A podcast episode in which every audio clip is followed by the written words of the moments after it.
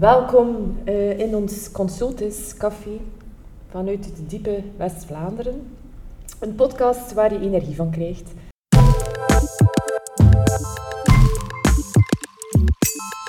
Welkom uh, bij mij, het energieteam van Consultis, Jan, Kobe en Luca. Ik zou zeggen, stel jullie zelf eens voor. We gaan misschien beginnen met Jan. Ja, ik ben de ouderdomsdeken van, uh, van het energieteam. Um, ik heb eigenlijk 30 jaar gewerkt in de procesvoedingsindustrie, 10 jaar in de suikerindustrie en ook 20 jaar in de Milcobel, zijn de zuivelindustrie, waar ik me vooral heb bezig gehouden met energie en engineering. Dus mijn kennis ligt vooral op vlak van energie. Heel veel expertise dus binnen het team.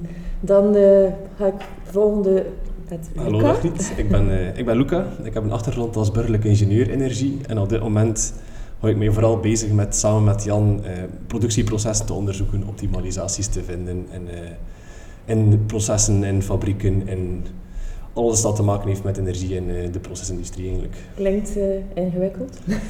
het is heel ingewikkeld, geloof mij. en dan onze jongste telg, uh, Kobe. Ja, ik ben Kobe van Antwerpen. ik ben een handelsingenieur van opleiding, dus een beetje de vreemde eend in de bijt hier.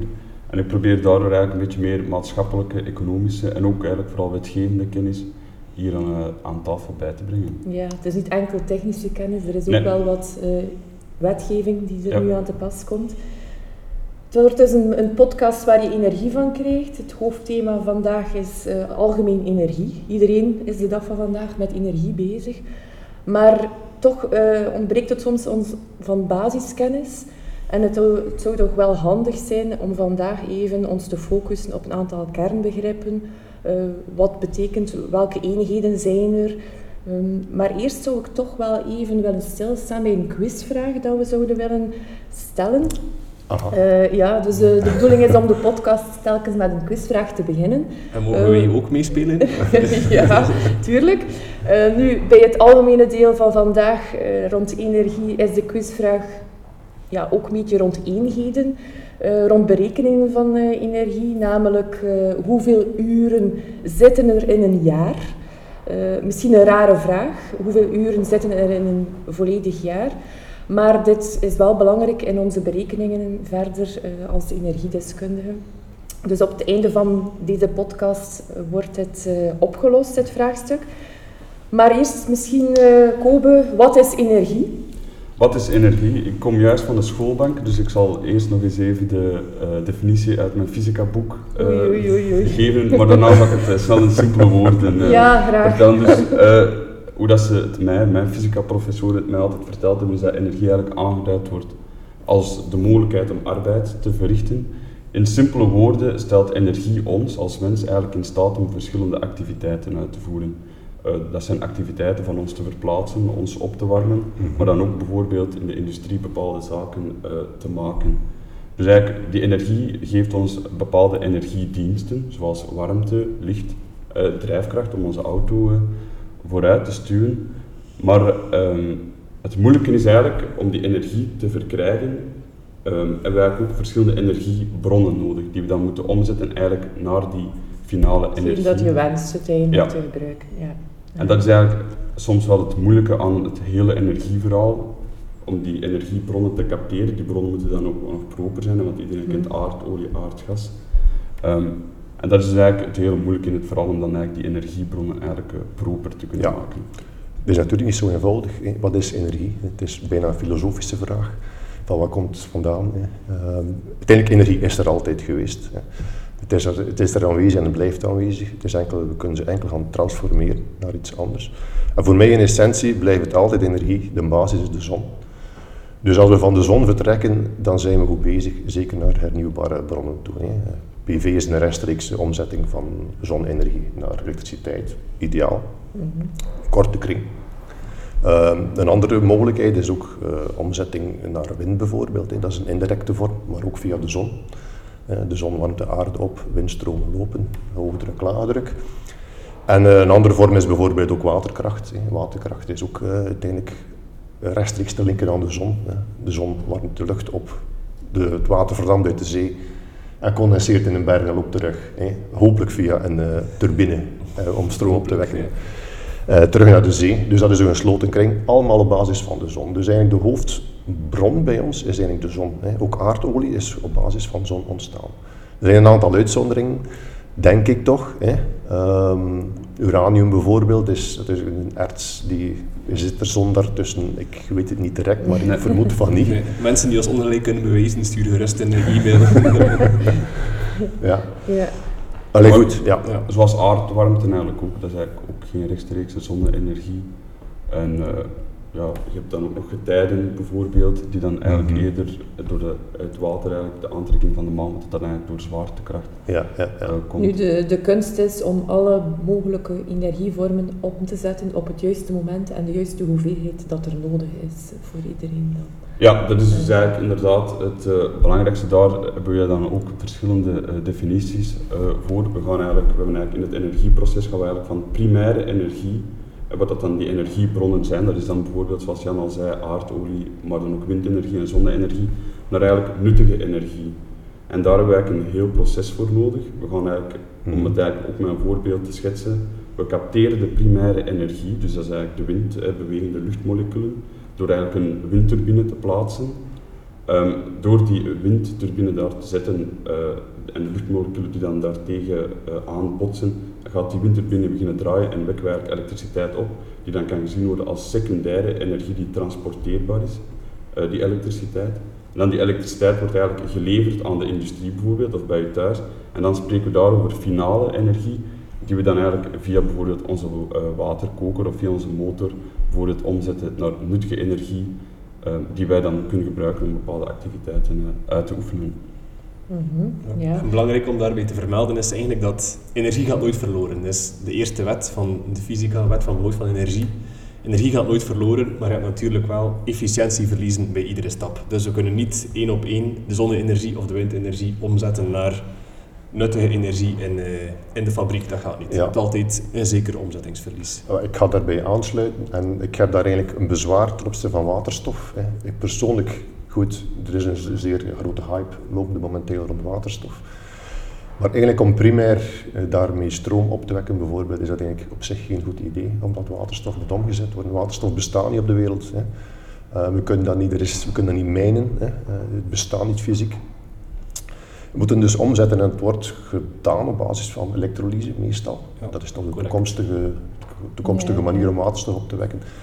En er zit een, groot, zeer groot transformatieverlies op. Dus om daar dan terug via mm -hmm. een, een, een, cel uiteindelijk, een, een energiecel, alles terug om te zetten naar elektriciteit, lijkt me dat geen goed idee. Mm -hmm. uh, goed, nu, we dus hebben veel energie nodig, misschien is dat wel een van de manieren als backup of, of andere, als alternatief dan. Maar ik ga daar toch het idee van, uh, van Luca volgen. Uh, energie moet in feite zo snel mogelijk worden omgezet, met zo weinig mogelijk transformatie verliezen. Hè. Dus als je het lokaal kunt opwekken, mm -hmm. zeker voor de industrie, alles wat je lokaal kunt opwekken, is het nu via zon, is het nu via PV of is het nu via uh, een, bio, biogasinstallatie, ik zeg maar iets dan blijft het altijd zeer interessant. Hè. Dus transformatieverliezen zijn mm. essentieel in het, in, het, uh, in het luik rond energieefficiëntie.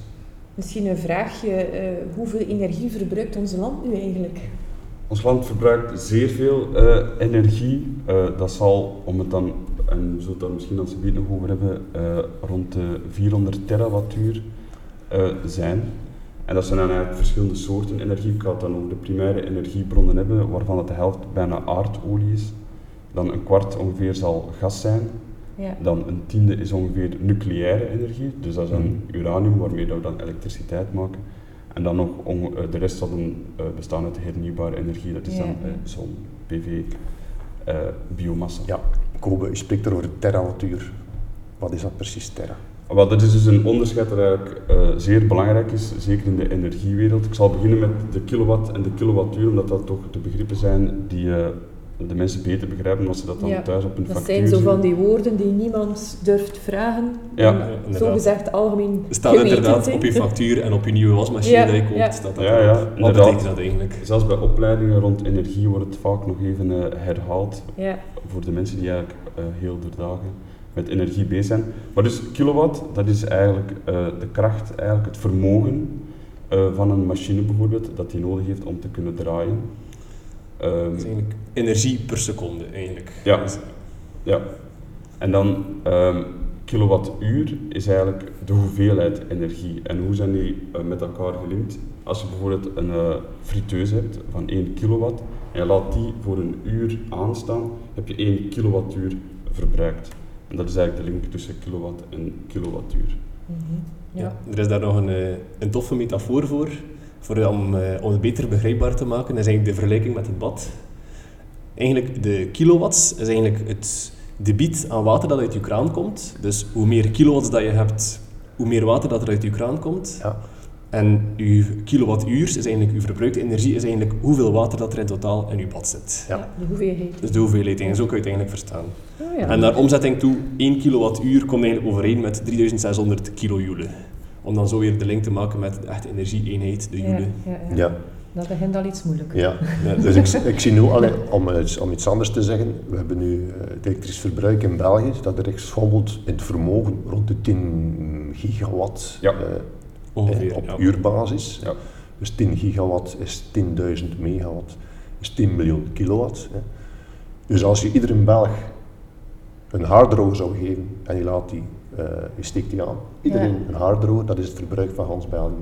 Oh. Uh, het vermogen eigenlijk van Hans België die elektrisch wordt verbruikt. Dat is inderdaad het gemiddeld vermogen, die 10 gigawatt. Ja, Ja. ja, En om dan toch terug weer de link met de gigawattuur te leggen, Ja, ja. moeten we dat eigenlijk vermenigvuldigen met het aantal uren in een jaar, dat dan 8760 is.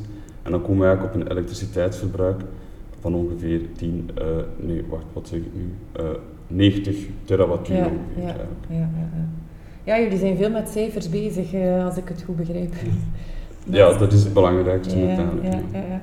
Ehm, naar, wat is het, men spreekt ook altijd over hernieuwbare bronnen.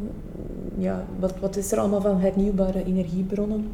Ja, het Op belangrijkste eigenlijk, en dat is inderdaad de toekomst, is hernieuwbare energie.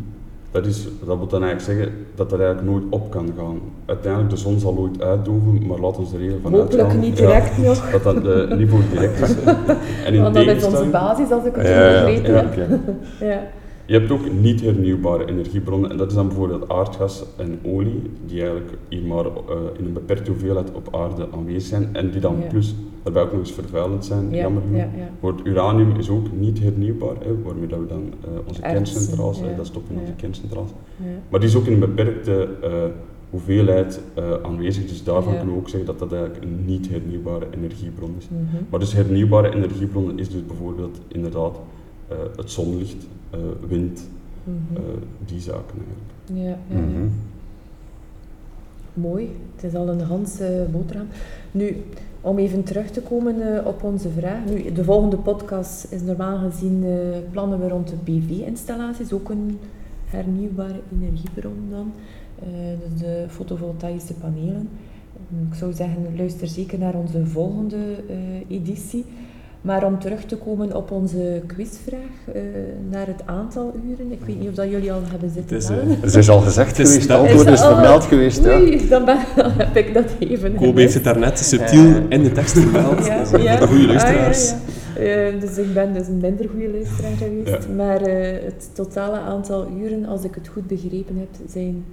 867 uur in een... eh 8760, mijn excuses, eh, in een heel jaar. Ja, ja. Ehm, en dat is eigenlijk een belangrijk getal dat we, eh, we moeten eigenlijk, het zit eigenlijk echt los in onze hersenen, eh, Ja, omdat we het veel nodig hebben. En berekeningen en dergelijke meer. Ja. Ja. Dus dit was dus onze eerste podcast. Het Eh, ging eh, eh, rapper dan verwacht eigenlijk. We hadden Ja, nog ja, een, ja, eh, ja. een hele hoop voorbereidingen. Nog minstens vier pagina's voorbereiding die we nu vertaald hebben. Onder meer over de energietransitie. Eh, eventueel voor een volgende podcast zeker. Ja, waarom niet? Dankjewel iedereen om te luisteren naar onze eerste editie van de Consultis podcast. Een podcast waar je energie van krijgt. Wij zijn terug te vinden op het internet op www.consultis.be.